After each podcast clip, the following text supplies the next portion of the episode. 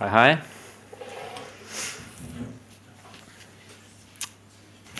Tak for invitationen og for at må få lov til at være med til, til lanceringen af, af Marxistisk Center. Øh, det er jeg glad for. Øh, som sådan en, en øh, tænker jeg i forhold til, til, til de drivende kræfter i centret, en, en, en sådan delvist lidt ældre generation, øh, som jeg repræsenterer. Øh, så det, øh, jeg ved ikke, om der er nogen, nogen form for sådan historisk overlevering af, af ret meget fra min generation til den næste generation. Det tror jeg desværre ikke. men, men, øh, men ikke desto mindre synes jeg, det, det er et, et øh, vigtigt initiativ, øh, og et initiativ, som, som på en eller anden måde, i hvert fald set fra, fra sådan en dansk kontekst, interessant vikler sig ind i, i nogle, nogle lignende forsøg på at, at vende tilbage til, øh, til en marxinspireret eller marxistisk analyse af, øh, af den kapitalistiske produktionsmåde, eller kapitalen, eller et kapitalistisk samfund.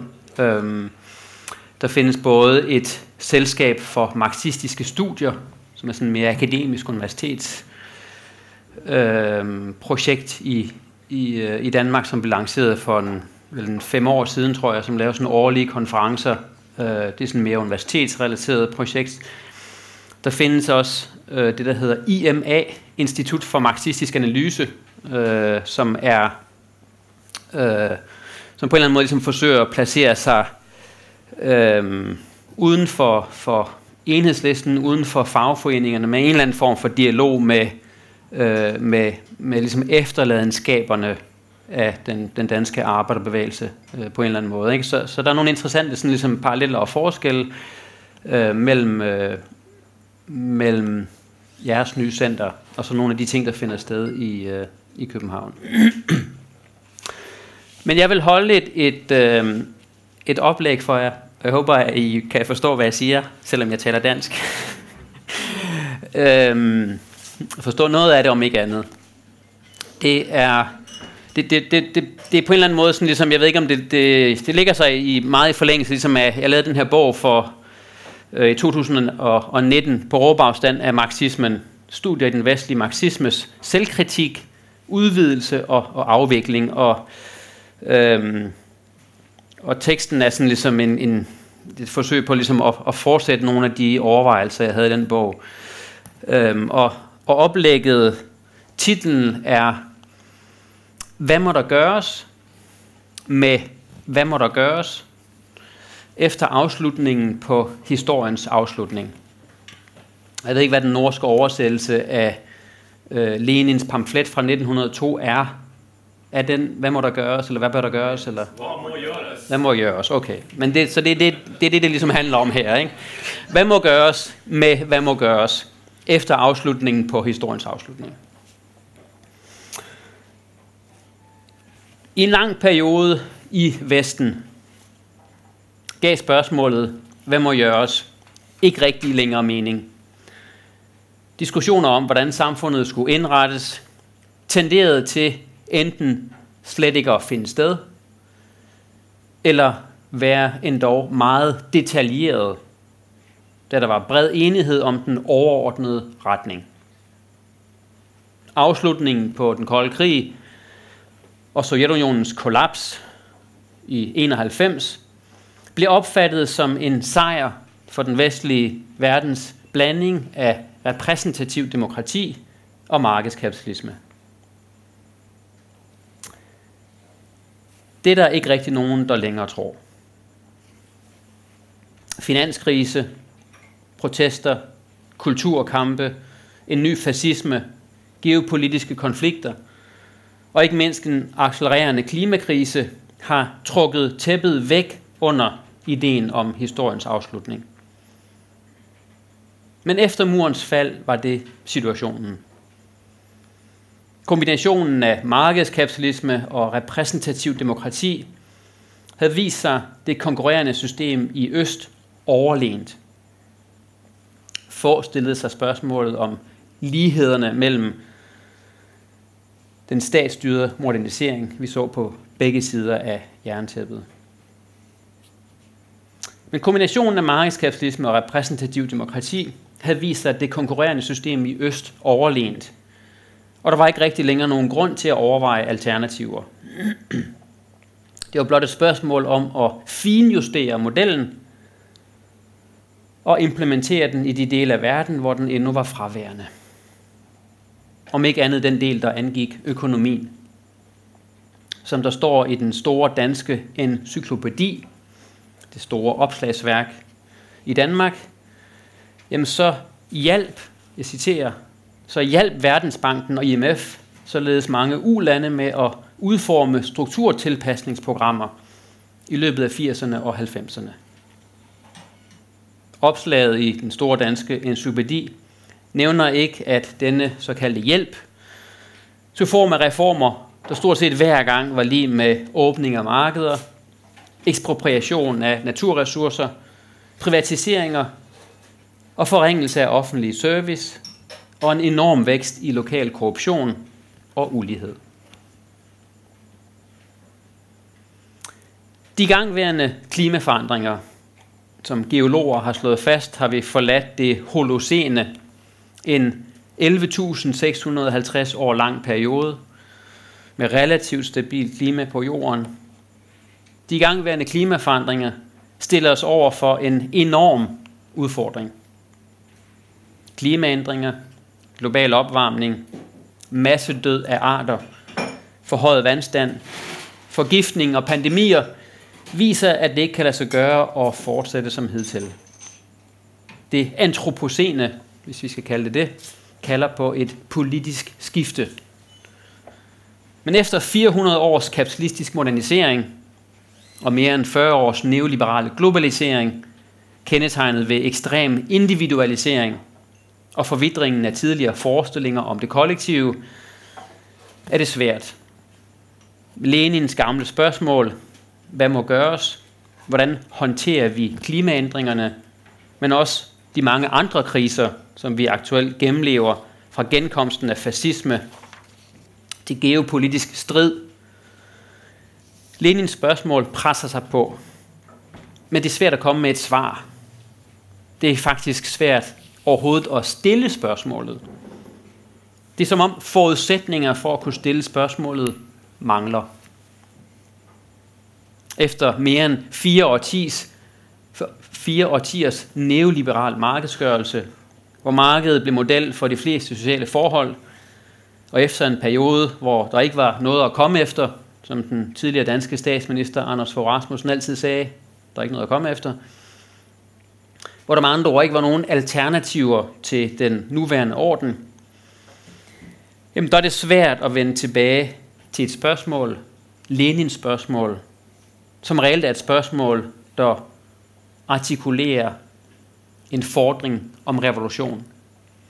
Om en omfattende sociomateriel, men også mental transformation. I mit oplæg i dag bruger jeg de her spørgsmål. Hvad må gøres? Lenins spørgsmål som omdrejningspunkt for en kort samtidshistorie. Jeg lægger ud med at skitsere forestillingen om historiens afslutning, hvordan vestens blanding af markedskapitalisme og repræsentativ demokrati havde vundet den såkaldte kolde krig, og beskriver så i næste del, hvordan den her forestilling ikke blot er blevet voldsomt udfordret i, i tiden efter finanskrisen, men i dag fremstår ruineret, ødelagt. Vi er i dag på den anden side af historiens afslutning. Men det betyder ikke, at der er en klar retning. Den nuværende historiske situation er kendetegnet ved opløsning og krise. I den tredje og sidste del diskuterer jeg en række forsøg på at stille det her spørgsmål igen. Hvad må gøres? Stil det i dag efter det holocene med eller uden Lenin. Jeg præsenterer Nancy Frasers økosocialisme og T.J. Clarks afsked med det revolutionære perspektiv. Men først lidt om, om, øh, om historiens afslutning. Den amerikanske embedsmand og politolog Francis Fukuyamas artikel og efterfølgende bog om historiens afslutning, den indfangede jo tidsånden, tidsånden ganske godt.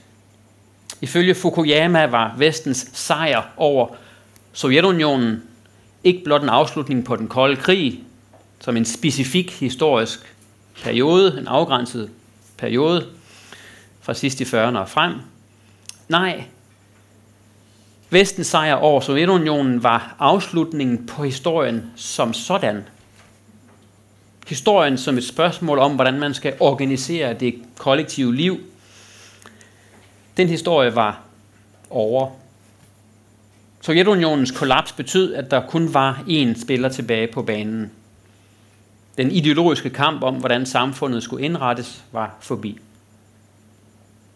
Den liberal-demokratiske kapitalisme havde vundet. Der var ikke så meget at være i tvivl om. Den engelske kulturkritiker Mark Fisher kaldte denne situation for kapitalistisk realisme. Der var ikke noget hinsides, der var ikke noget ved siden af det her system.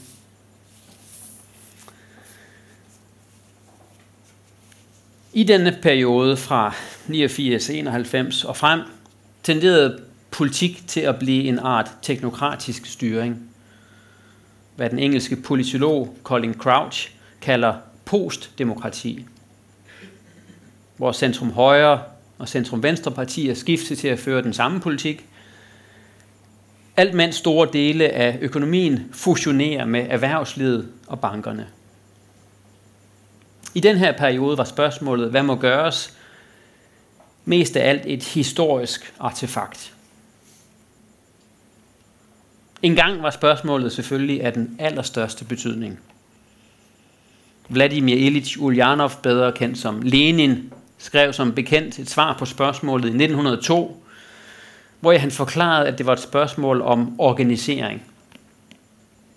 De russiske socialdemokrater skulle organisere sig, organisere sig som et avantgarde-parti af disciplinerede, professionelle revolutionære og partiet skulle udgøre en fortrop i kampen for etableringen af et kommunistisk samfund.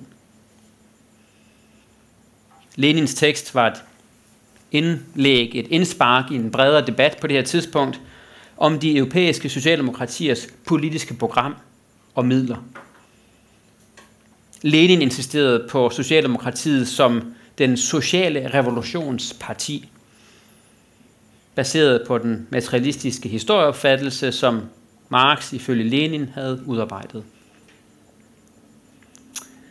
Det var Bernstein og andre socialdemokrater i Tyskland var ifølge Lenin i færd med at forvandle den socialdemokratiske bevægelse til, hvad han kaldte Lenin, de sociale reformers demokratiske parti.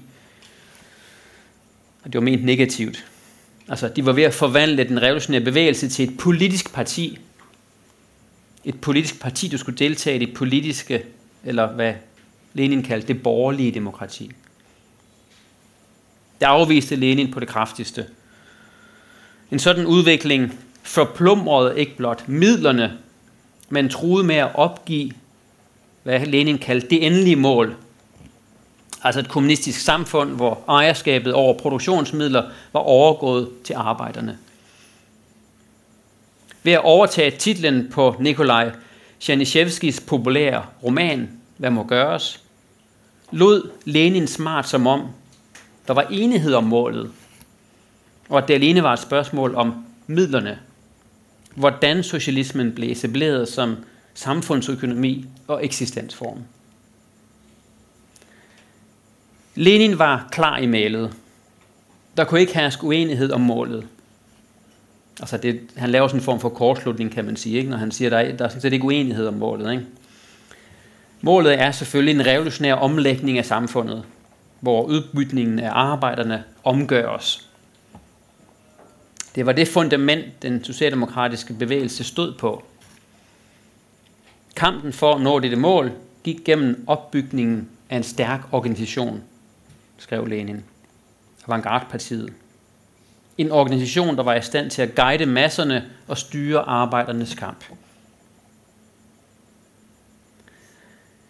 Hvis Lenins tekst fra 1902 var et politisk indlæg i en revolutionær kamp, var Janiszewskis roman fra 1863 en fiktion om unge mennesker, der skulle skabe et nyt samfund.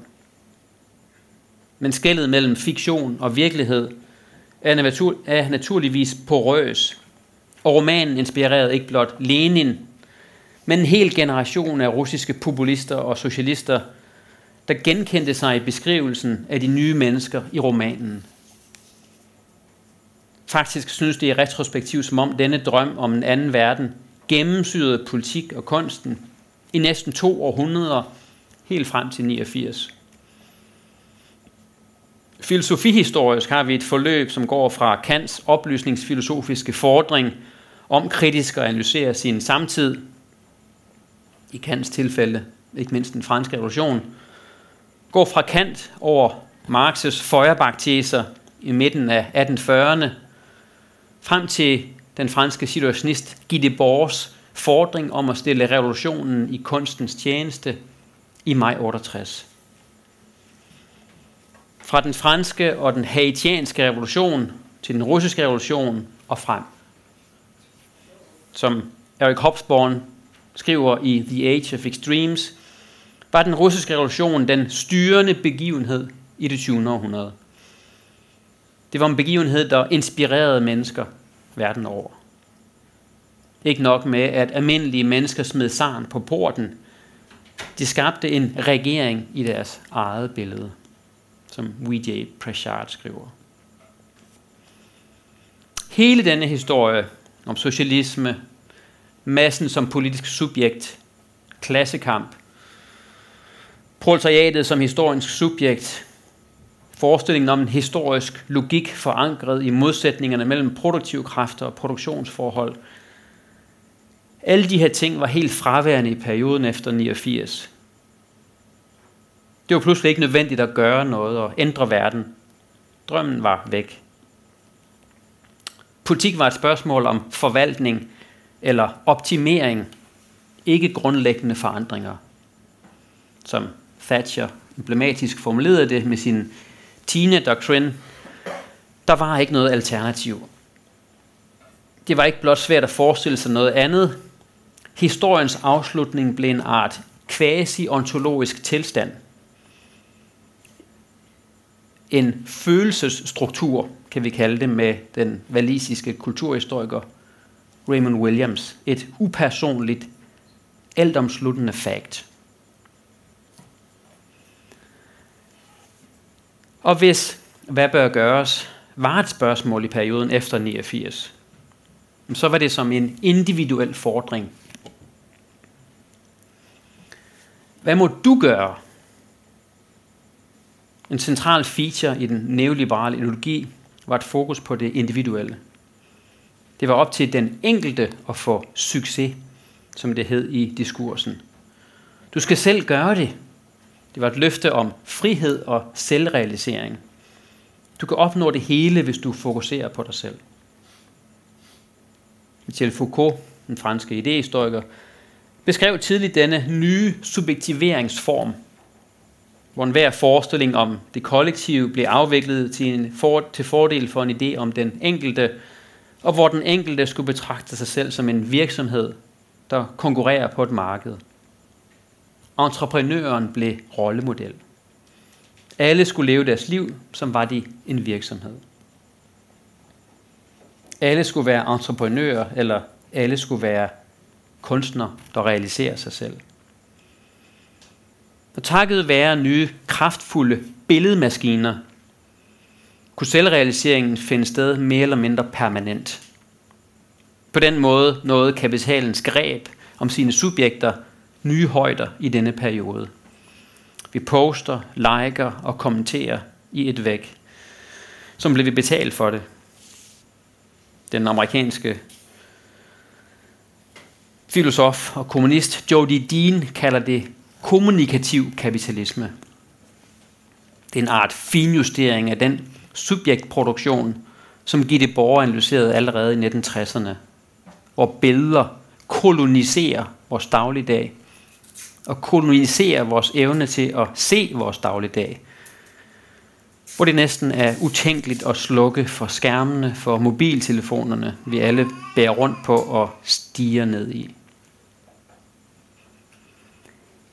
Historiens afslutning efter 89 var på mange måder en fortsættelse, men også en omlægning eller forskydning af en tidligere situation, hvor marxismens forestilling om en overvindelse af klassesamfundet blev kritiseret. Det såkaldt postmoderne opbrud, der fandt sted fra slutningen af 70'erne og frem, var allerede kendetegnet ved en afsked med ideen om de store fortællinger – ikke mindst marxismen og dens forestilling om en dialektisk bevægelse i historien. Denne omlægning, den postmoderne omlægning, stod igen selv på skuldrene af den selvkritik, der fandt sted i hele efterkrigsperioden, men især fra midten af 60'erne, fandt sted inden for rammen af det nye venstre, der distancerede fra de mere økonomistiske dele af den historiske materialisme og dennes privilegering af den mandlige industriarbejder. Så vi har selvfølgelig et, et noget længere, mere sammensat historisk forløb, som, som, øh, som perioden fra, fra, fra 89 også skal ses i forlængelse af på forskellige vis. Historiens afslutning var på den måde blevet forberedt af, eller kan ses som en tragikomisk kulmination på en paradoxal, paradoxal udvikling, hvor en marxistisk selvkritik ikke blot åbnede døren for en voldsom afvisning af den marxistiske økonomikritik, men også lukkede døren for forestillingen om en ikke- eller postkapitalistisk samfundsindretning. Som den franske filosof Jean-Luc Nancy som, som jo ligesom er sådan et mønstereksempel for, for, for, øh, for den dekonstruktive filosofi, men, men han startede selv ud med ligesom at være aktiv i de situationistiske studenterbesættelser på Universitetet i Strasbourg i 68. Som Jean-Luc Nancy karakteristisk formulerede det i 1996, var det svært overhovedet at stille Lenins spørgsmål. Det var ikke længere klart, hvad der skulle laves om, for Nancy i 96. Det var ikke længere klart, hvem der skulle lave noget om. I en konsekvent, i en konsekvent dekonstruktiv gestus problematiserede Nancy muligheden for overhovedet at stille spørgsmålet, end sige besvare det. Som han skrev, måske ved vi ikke engang længere, hvad det vil sige at tænke, og som konsekvens deraf, hvad det vil sige at tænke gøre? Eller for den selv skyld, hvad gøre overhovedet er? Altså spørgsmålet om praksis også. Ikke? Så henvisning til en fremtid, til en bedre i morgen, var borte. Afslutningen på historiens afslutning. I dag er vi imidlertid i en ny situation, som Felix Conleff, George Hoare og Alex Hocheli skriver i deres underholdende The End of the End of History bog, der udkom sidste år, er vi på vej ud af historiens afslutning. Vi befinder os altså ikke længere i den postpolitiske æra. Den postpolitiske æra, der begyndte i 89. Den naturlighed, som den vestlige verden fremstod med, er væk. De daterer de tre marxistiske teoretikere skiftede til et tidspunkt mellem 2008 og 2016. Altså mellem finanskrisen og det såkaldt populistiske moment, hvor vælgere afviser det ekstreme centrums politik og stemmer på bizarre antipolitiske politikere som Trump i USA og Bolsonaro i Brasilien. Finanskrisen i 2007 og 8 synliggjorde ikke blot en 40 år lang økonomisk sammentrækning af verdensøkonomien, men afslørede også en voldsom omfordeling til fordel for de rigeste. Som historikeren Robert Brenner har beskrevet, skete der i årene mellem 1965 og 1973 et fald i den amerikanske industriproduktions profitrate, som pludselig bragte verdensøkonomien fra en situation af eksplosiv vækst til mere eller mindre permanent krise.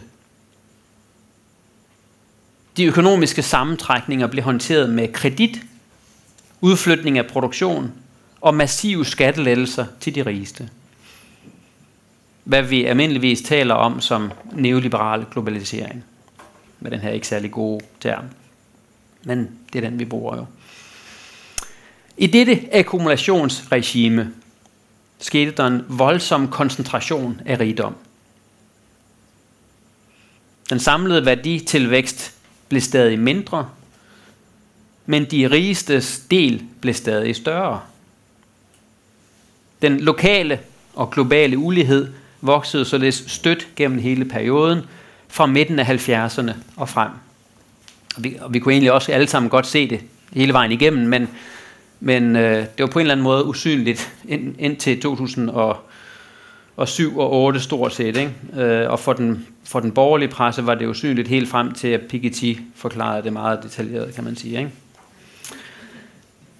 Men måske fordi ingen ønskede at se sig selv som tabere, det var jo op til den enkelte at realisere sig selv, så forblev den her stigende ulighed en form for skjult virkelighed, som kun statistikere, Piketty og de andre, som kun statistikere og sociologer bemærkede, og som de ikke sagde højt.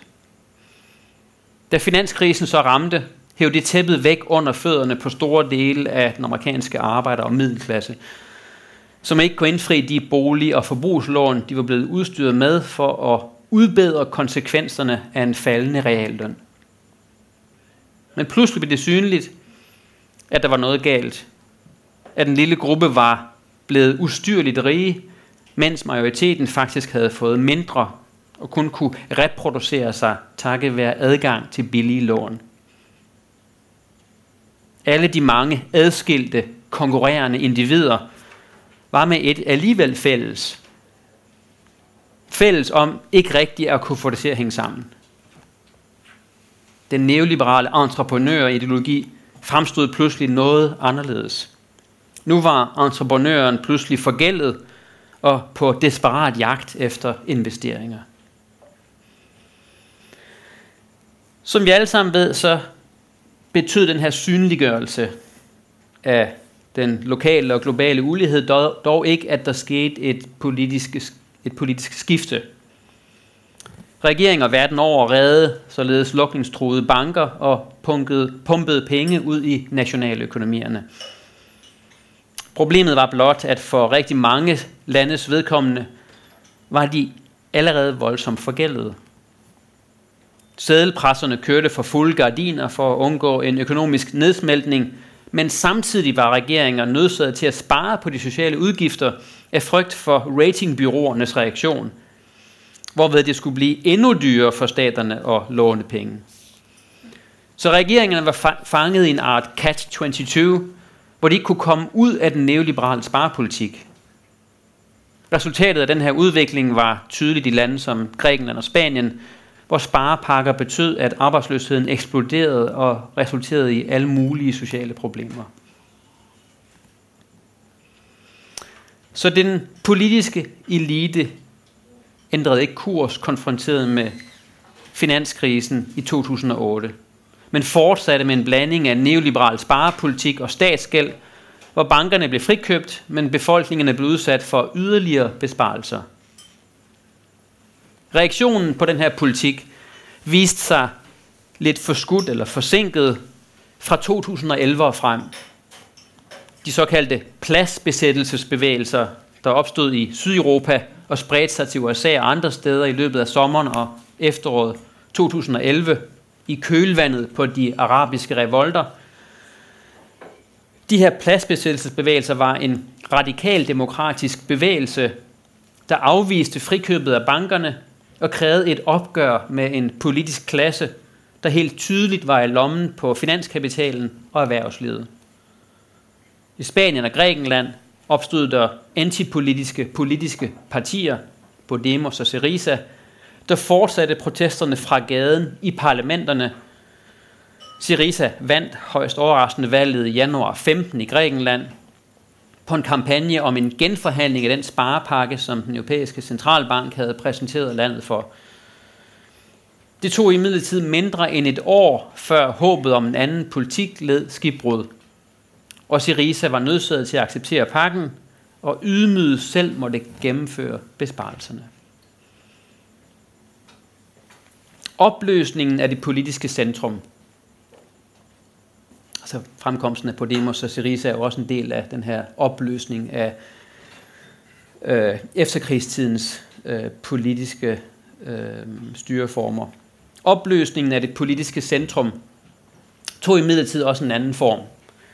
I flere europæiske lande, deriblandt Danmark og Frankrig, var xenofobiske partier allerede i løbet af 1990'erne begyndte at gøre sig gældende og tale til en følelse af forladthed og kulturel miskendelse i kølvandet på den neoliberale globalisering, der langsomt havde tømt tidligere identiteter for indhold, ikke mindst arbejderidentiteten. Denne udvikling nåede et, et dramatisk og bizart højdepunkt i årene 2016-17 med Brexit og valget af Trump til præsident i USA. De store statsbærende partier øhm, i Frankrig, USA og andre steder fremstod mere og mere hovedløse og ude af stand til at udvikle en ny politik. Det var som om 1990'erne skulle vare for evigt. Hillary Clintons kandidatur i 2016 var et udtryk for denne manglende forståelse for et nødvendigt alternativ. Og resultatet var et kollaps. Brexit, Trump, Macron. Alle, at alle er de på hver deres måde udtryk for et sammenbrud. Som jeg forsøgt at, at beskrive i Øhm, I den sidste bog, jeg har skrevet, Late Capitalist Fascism, så fandt genkomsten af fascisme sted på baggrund af den neoliberale individualisering, hvor enhver idé om det kollektive og solidaritet er blevet erstattet, øh, er blevet reduceret til familien som sted for trøst og ro. Som Thatcher i udtalte, så findes der individer, mænd og kvinder, og så familien. Men der er ikke noget andet, der er ikke noget samfund. Så millioner af mennesker i den vestlige verden fortalte hinanden, at de faktisk ikke havde noget med hinanden at gøre. Alle konkurrerede med hinanden. I sin opdatering af Foucaults analyse af det disciplinære samfund, noterede Gilles Deleuze sig frisættelsen af lønninger, hvor virksomheden præsenterer rivaliseringen mellem medarbejdere som en sund form for konkurrence, der motiverer den enkelte. Fantasien om individuel frihed og selvrealisering forduftede imidlertid med krisen, hvor jeg ser mange unge pludselig så sig selv, som Morten Bjørk og Natasha Lopez skriver i deres bog, de så sig selv uden fremtid.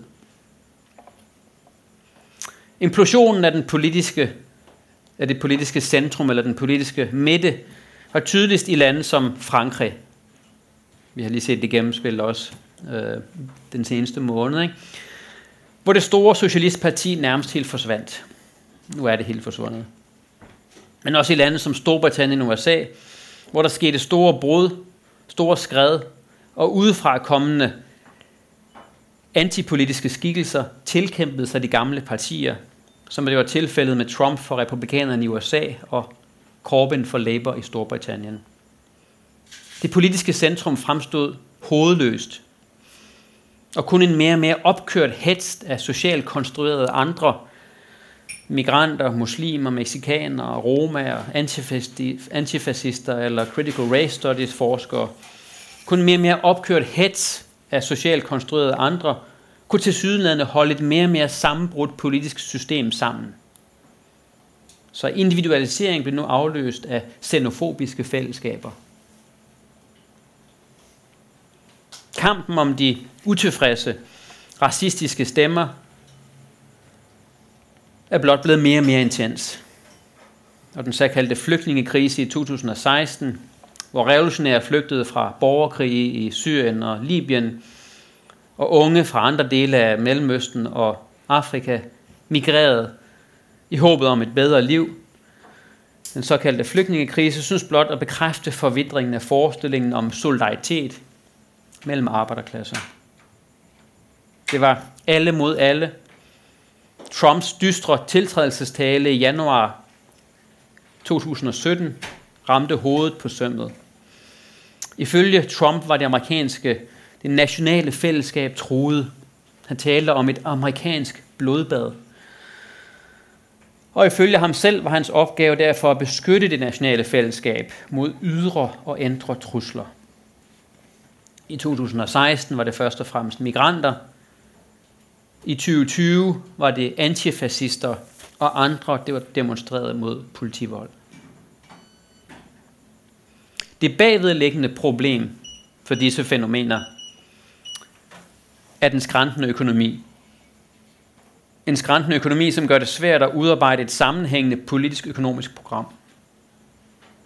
Besværlighederne viser sig både som konflikt mellem forskellige dele af de lokale kapitalistklasser, eksemplarisk i USA, hvor Trump appellerede til en våben, energi, hedge fraktion, anført af Peter Thiel, Erik Prince og Koch-brødrene, men også de mange protester, der bliver med at finde sted i et diskontinuerligt mønster, hvor de flammer op, dør ud og så igen bryder ud.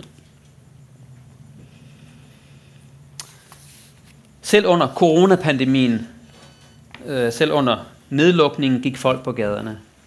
I sommeren 2020 oplevede USA eksemplarisk de største protester siden sidst i 60'erne, efter politibetjente igen dræbte en ubevæbnet afrikansk-amerikansk mand. Hundredvis af politibiler blev brændt af, og butikker i fashionale områder blev plyndret, inklusive i gentrificerede områder, der traditionelt går fri af riots.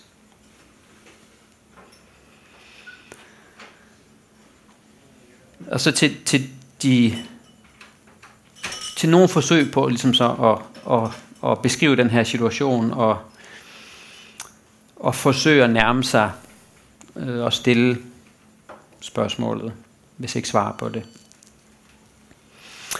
Vi er nu i en situation, hvor den, den neoliberale ideologi til sydenlandet er løbet tør for energi. Men hvor der samtidig endnu ikke er dukket klare alternativer op. Der har været protester i mere end 10 år nu, men de bliver slået ned og knust, som i de arabiske revolter, eller mister pusen, som i de gule veste i Frankrig. Protesterne synes at ramme et form for usynligt loft, hvor det er svært at overskride antipolitisk retorik, altså kritik af det politiske system, kritik af politikerne, kritik af regeringer. Det er svært at overskride den eller supplere den med en mere positiv vision om et andet samfund.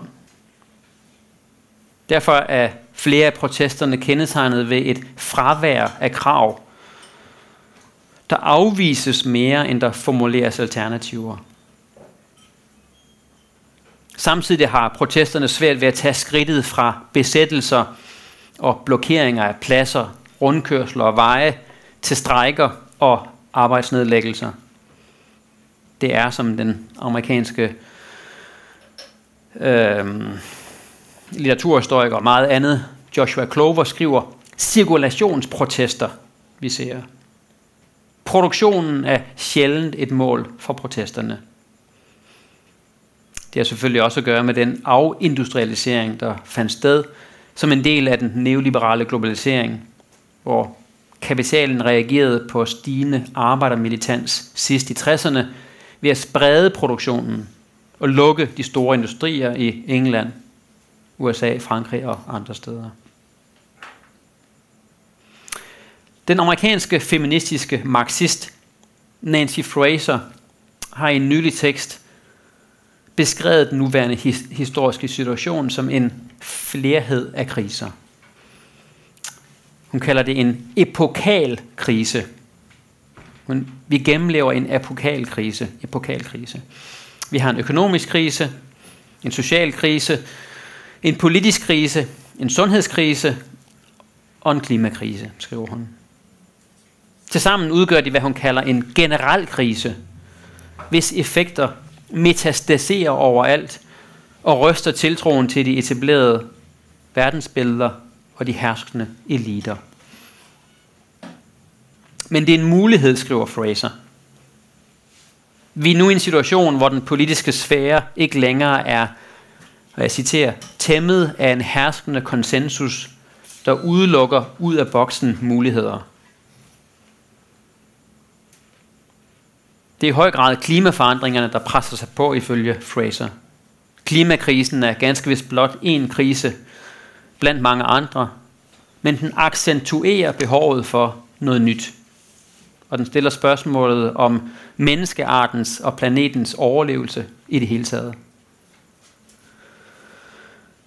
Det positive ved den på alle måder foruroligende situation, skriver Fraser, er, at klima faktisk inden for de seneste få år er blevet et uomgængeligt politisk tema. Som hun skriver, er bevidstheden om de menneskeskabte klimaændringer nu endelig et centralt politisk emne, der ikke kan fejes ind under tæppet. Ingen kan i dag undlade at adressere spørgsmålet om de igangværende klimaændringer, skriver hun. Et håbefuldt. Hvis det i en lang periode fra sidst i 60'erne stort set kun var grønne partier og klimabevægelser, der forsøgte at gøre spørgsmålet om forurening til et politisk tema, så er vi i dag i en situation, hvor alle politiske aktører nødvendigvis forholder sig til spørgsmålet på den ene eller den anden måde. Så der er sket et skifte, og det er det vigtige, siger hun. Som hun efterfølgende tørt konstaterer, er der selvfølgelig ganske stor forskel på, hvordan klimakrisen så bliver til klimapolitik fra nationalistisk forskansningspolitik til nykeynesianske Green New Deals. Men pointen er, at klimakrisen er et vilkår, og ifølge Fraser så derfor en mulighed. Hendes eget forslag er at tænke, tænke alle kriserne sammen. Vi har netop en flerhed af kriser, som alle sammen kræver handling. Fra racial imperialistisk dominans, autoritarisme og politivold, eksklusion af migranter, sexisme og forfølgelse af mennesker, der ikke lever op til idéer om bestemte køns- og livsnormer, til besparelse på sociale ydelser og angreb på arbejdstagerrettigheder. Listen er lang. Det vigtige er at forsøge at tænke kriserne som et kontinuum, og ikke håndtere dem en af gangen. Kun ved at adressere alle de store aspekter ved denne krise, miljømæssige og ikke miljømæssige, skriver hun, og ved at afsløre forbindelserne mellem dem, kan vi begynde at bygge en modhegemonisk blok, der støtter et fælles projekt og besidder den politiske tyngde til effektivt at forfølge det. For Fraser er kodeordet, som I kan fornemme, forhåbentlig, kapitalisme. Altså forsøget på ligesom at finde en eller anden form for noget, der binder alle de her kriser sammen. Ikke? Ikke blot er kapitalisme den drivende kraft i klimaforandringerne, den er også impliceret i alle de andre kriser, ifølge Fraser, der har at gøre med social uretfærdighed på den ene eller den anden måde. Opgaven er derfor at etablere en antikapitalistisk platform, der kan tage kampen op mod den neoliberale kapitalisme i dens forskellige former, fra den autoritære neoliberalisme, Trump er eksponent for, til den progressive neoliberalisme, som Obama og Biden inkarnerer. Trump præsenterer sig som et opgør med de politiske institutioner, men han er selvfølgelig i virkeligheden, ifølge Fraser Blot, en autoritær fortætning af den neoliberale politik, som har været hegemonisk siden begyndelsen af 80'erne. Det er den imidlertid ikke længere. Den aktuelle krise er også en krise for den neoliberale ideologi, ifølge Fraser. 9-11 var en tidlig udfordring, men især finanskrisen rystede det neoliberale verdensbillede, skriver hun. Læg dertil de igangværende klimaændringer, og vi står nu i en situation, hvor det er svært for den herskende klasse at reproducere sit ideologiske hegemoni. Det er en mulighed. Implosionen af neoliberalismen kan udgøre et startskud for, for etableringen af en antikapitalistisk position, ifølge Fraser. Det er hendes analyse. Som hun selv indrømmer, er det, er det imidlertid nemmere sagt end gjort i den aktuelle konjunktur. Som hun formulerer det i det lille skrift, en lille pamfletbog, The Old is Dying and the New Cannot Be Born, fra 2019, har neoliberalismen lidt et ideologisk nederlag, men som politik er den stadig dominerende. Titlen på den lille bog fra 2019 er en parafrase af et ofte benyttet citat af den italienske kommunist Antonio Gramsci. På dansk vil det lyde noget i retning af, den gamle verden dør, og det nye kan endnu ikke forløses. Og fortsættelsen lyder, i dette tomrum dukker der forskellige morbide symptomer op, eller monstre op.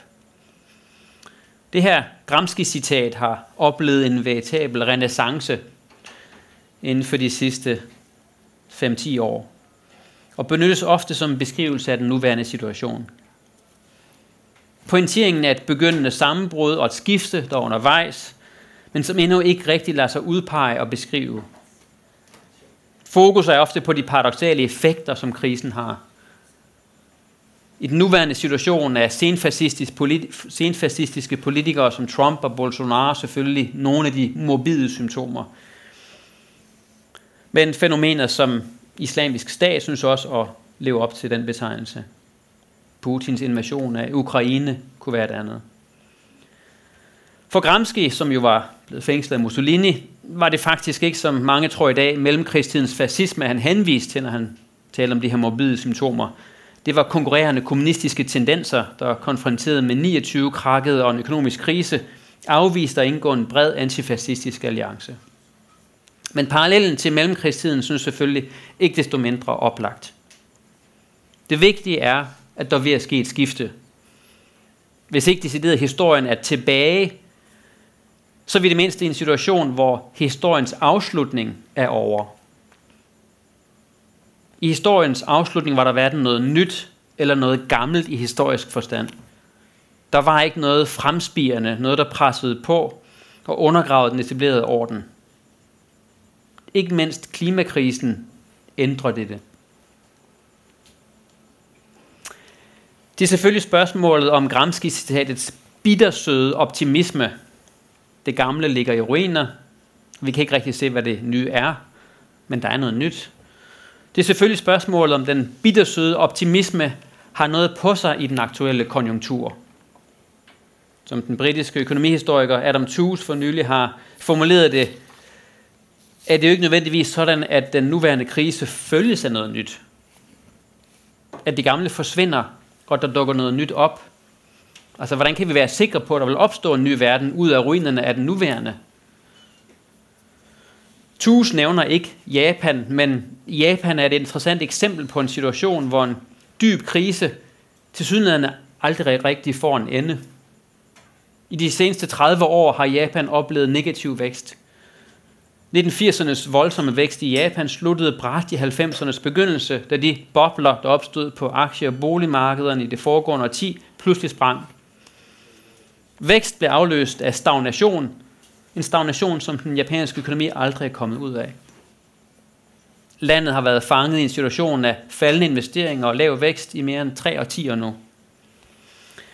Så måske er Japan et billede på en situation af vedvarende krise, hvor der ikke opstår noget nyt. En situation med forgældede regeringer, der holder liv i halvdøde banker, der igen holder hånden under hensynet virksomheder, der ikke er i stand til at skabe profit. En sådan, en sådan situation bliver kaldt sekulær stagnation. Selv mainstream-økonomer frygter, at det er en realitet, og har anerkendt, at det måske allerede er det, vi gennemlever. Paul Krugman og andre. Den neoliberale globalisering overvandt, overvandt reelt aldrig problemerne i 1970'ernes begyndelse – overkapacitet, overproduktion, faldende profit. Efterkrigstidens økonomiske boom, som skabte de politisk-økonomiske muligheder for velfærdsstaterne i Vesteuropa og USA, jamen den her periode fremstår i retrospektiv som en historisk undtagelse. De seneste fire årtier har været kendetegnet ved en sammentrækning af verdensøkonomien, som den eksplosive modernisering af Kina og dele af Sydøstasien ikke har kunne maskere. Pludselig fremstår den neoliberale globalisering som en 40 år lang nødlanding med svindende investeringer i produktionssektoren. Den globale økonomi kan ikke uendeligt overleve på kredit, prioritere den finansielle sektor og spare mere og mere på prisen på arbejde. Det er en opskrift på uro. Denne kriseløsning kan måske godt forlænges, men det vil så blot resultere i yderligere konflikter og protester. Brexit og Trump er paradoxale udtryk for det her. Når der ikke er nogen politisk midte, nogen politisk centrum, når midten imploderer, tager konflikterne til. De igangværende kulturkampe om den såkaldte identitetspolitik er et andet udtryk for den her udvikling, hvor klassekamp finder sted i forskudt form som generationskonflikt. Fraser følger Gramsci og forsøger at formulere et svar. Hun ser muligheder i krisen. Hvad må der gøres? Vi skal forsøge at positionere os og kæmpe for at formulere en anden common sense end neoliberalismens. En antikapitalistisk common sense. Fraser er ikke leninist. Svaret er ikke et avantgarde-parti. For Fraser er svaret en bred koalition af progressive partier og modstandsbevægelser. Modstandsbevægelser, der deler et antikapitalistisk perspektiv. Hun er skeptisk over for, hvad hun kalder separatisme, hvor kritik af eksempelvis heteronormativitet glemmer andre dominansformer, og ikke mindst ser det som et politisk mål at blive anerkendt. Det handler ikke om at forandre folks bevidsthed, det handler om at etablere strukturer og institutioner, der ændrer folks liv, skriver hun. Hun skriver selv, at projektet er antikapitalistisk. Men hendes kapitalismekritik stikker ikke så dybt. Hun når eksempelvis aldrig til spørgsmålet om en egentlig afvikling af lønarbejdet og pengeøkonomien. Det handler i første, i første, øh, i første skridt om velfærd og fuld beskæftigelse. Altså et socialdemokratisk projekt. Men det interessante i denne sammenhæng er, at hun ser krisen som en mulighed. Hun ser det som en mulighed for, at noget nyt kan materialisere sig. Andre er, er mindre optimistiske. Den engelske kunsthistoriker og tidligere situationist, altså revolutionær, T.J. Clark, går langt i sin kritik af det 7. århundredes revolutionære tradition. I teksten For a left with no future, altså for en fremtidsløs venstrefløj, argumenterer Clark for det nødvendige i helt at opgive forestillingen om revolution. Det 20. århundrede viste, hvordan de storslåede drømme om en anden verden altid, om ikke andet næsten altid, endte i scenarier, der var så frygtelige, at det, svært at, for, at, det, at det blev svært at se forskel på kapitalens og socialismens barbari. Som han polemisk skriver, socialisme blev nationalsocialisme, kommunisme blev stalinisme. Forestillingen om arbejderklassen som et anderledes klassefællesskab, som den klassedestruerende klasse, der skulle ophæve klassesamfundet, blev hele tiden til noget andet. Blev til, hvad han kalder den ondeste parodi på en vision om et samfund uden klasser og undertrykkelse. Så socialismens visioner og drømme var for den gamle revolutionære Clark falske fremtider. Det er den tragiske konklusion, vi er nødsaget til at drage, skriver Clark. Hans projekt er at redde venstrefløjen, han vil redde venstrefløjen ved at opgive forestillingen om, at det er muligt at skabe en anden verden. Fordi drømmen om en anden verden hver gang er endt i en katastrofe. De store idéer og den revolutionære stilistik skal væk, skriver han. Ikke mere avantgardisme, ikke flere visioner om, om nye verdener. Selvopgøret inkluderer endda at sætte parentes som spørgsmålet om kapitalisme. Det venstrefløjen kan gøre, en pessimistisk, realistisk venstrefløj, skriver Clark, det den kan gøre mere afdæmpet og forsøge at forhindre, forhindre tigeren fra at springe ud. Altså begrænse den vold, som er immanent i den kapitalistiske modernitet.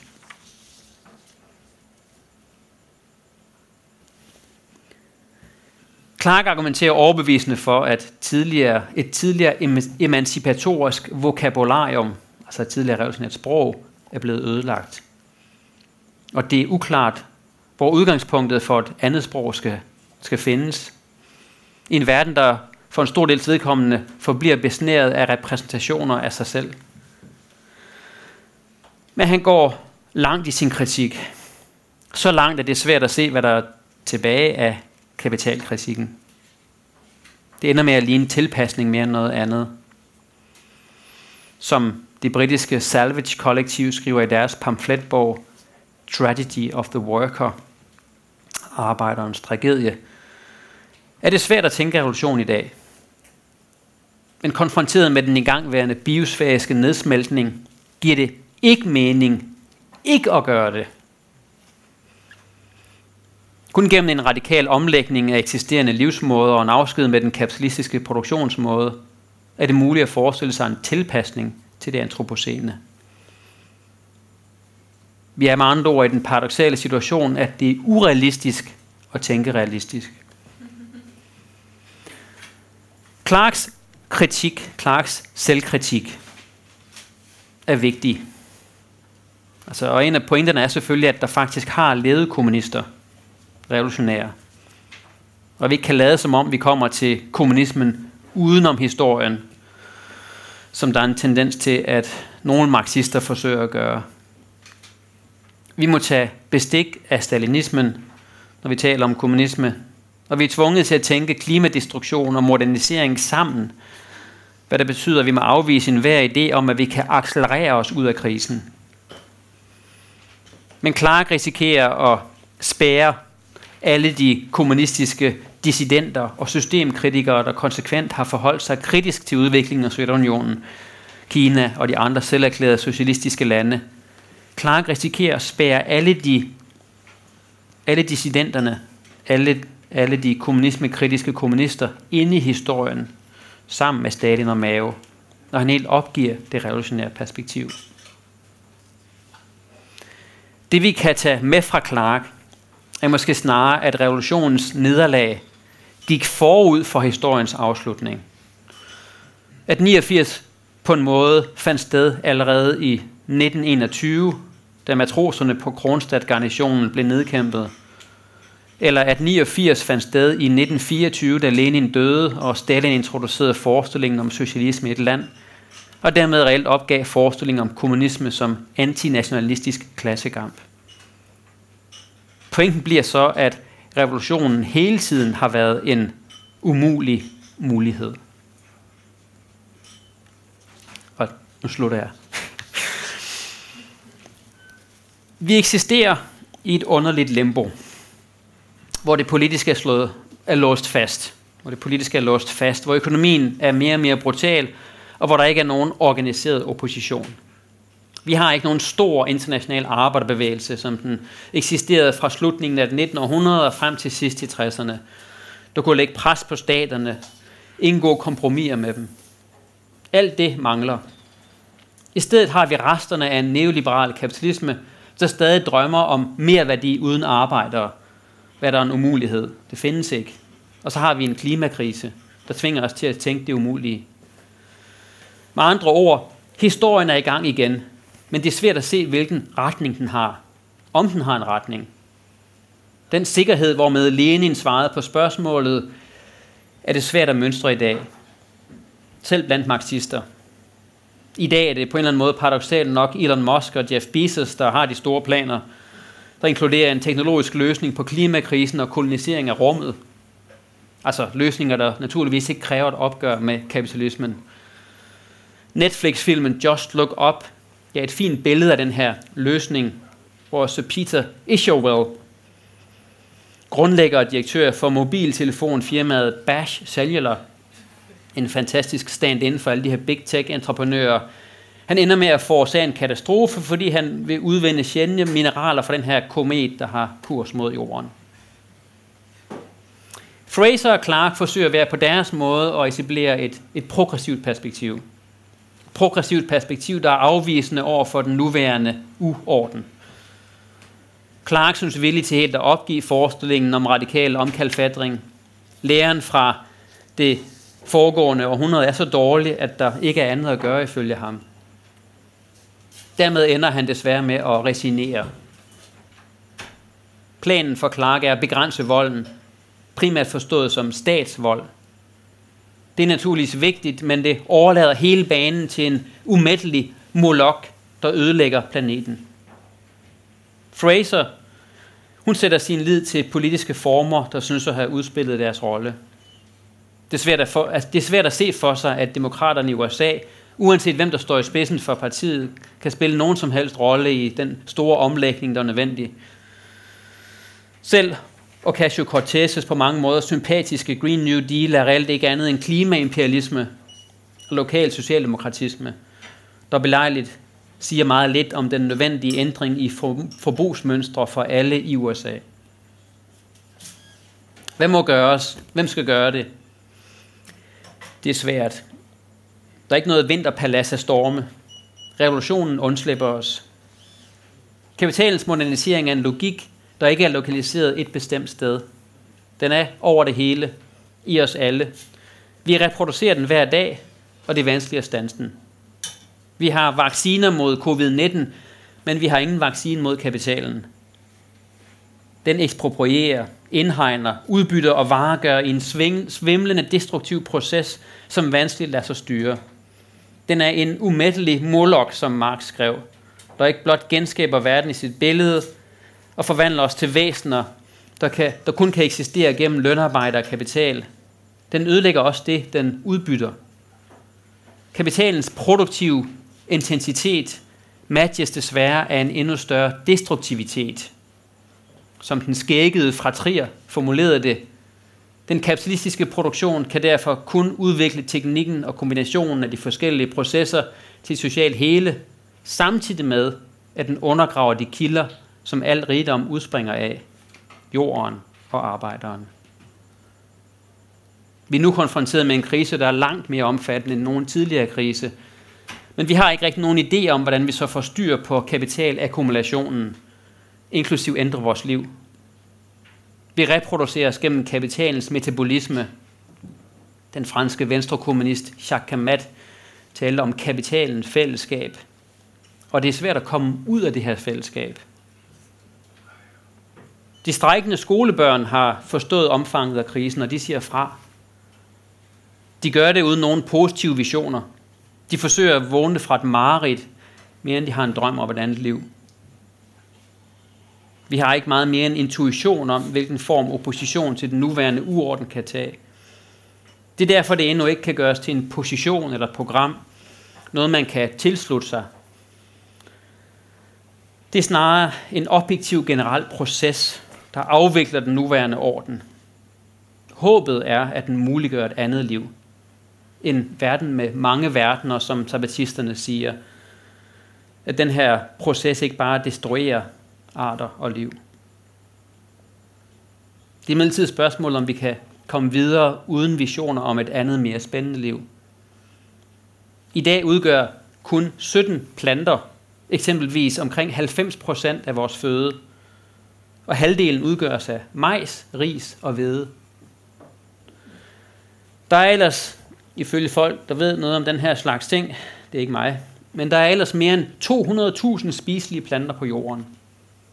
Så der findes en enorm mangfoldighed hensides kapitalens industrialiserede ensretning. I stedet for at tænke en postkapitalistisk verden som simpel, skal vi måske forestille os den som værende uendeligt mere kompleks og spændende end den nuværende. I den nuværende situation er det måske derfor snarere Janishevsky, og fiktionen, historien om de nye mennesker, vi skal vende os mod, end det er Lenins politiske aktionsprogram. Tak.